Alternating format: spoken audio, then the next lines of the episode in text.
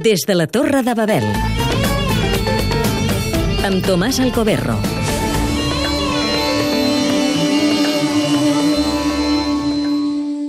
L'expressió àrab Kalimat al-Fadi, paraules al buit, és molt popular.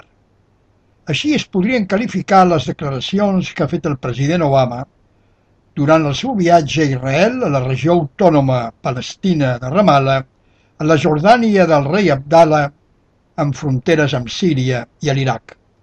Estem farts, ha escrit un articulista d'un diari de Ramallah. Diguem-ho clarament, no hi ha ningú que confiï en el president dels Estats Units que ha perdut tota la seva reputació a reputació als pobles de l'Orient Mitjà. Ni els palestins ni els àrabs es creuen les seves paraules sobre un estat palestí independent. Cada dia hi ha menys territori per aixecar-lo. De fet, s'està perfilant un Israel amb diversos enclaus en diverses municipalitats autogestionades palestines un mur que divideix més els palestins entre si que amb el propi Israel. Els governants àrabs, israelians, europeus, dels Estats Units ho saben, però ningú té interès en proclamar-ho. Des de fa anys, la negociació diplomàtica d'Israel i Palestina està morta i enterrada i no se sap quan podrà revitalitzar-se.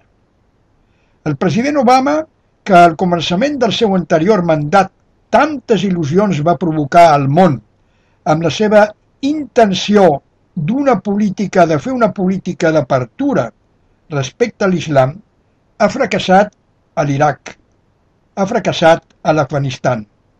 Ni Egipte ni Túnez i no diguem ja Líbia, s'han alliberat verdaderament després de les esperances de les seves rebel·lions de fa dos anys.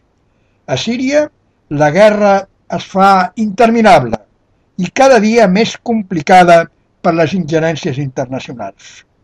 L'oposició continua molt dividida, amb un cap últimament escollit a Estambul que molts dels seus grups impugnen.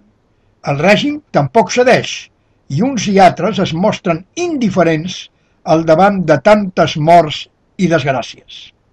El president Obama ha viatjat a un Orient Mitjà més complexa i més volàtil que fa dos anys.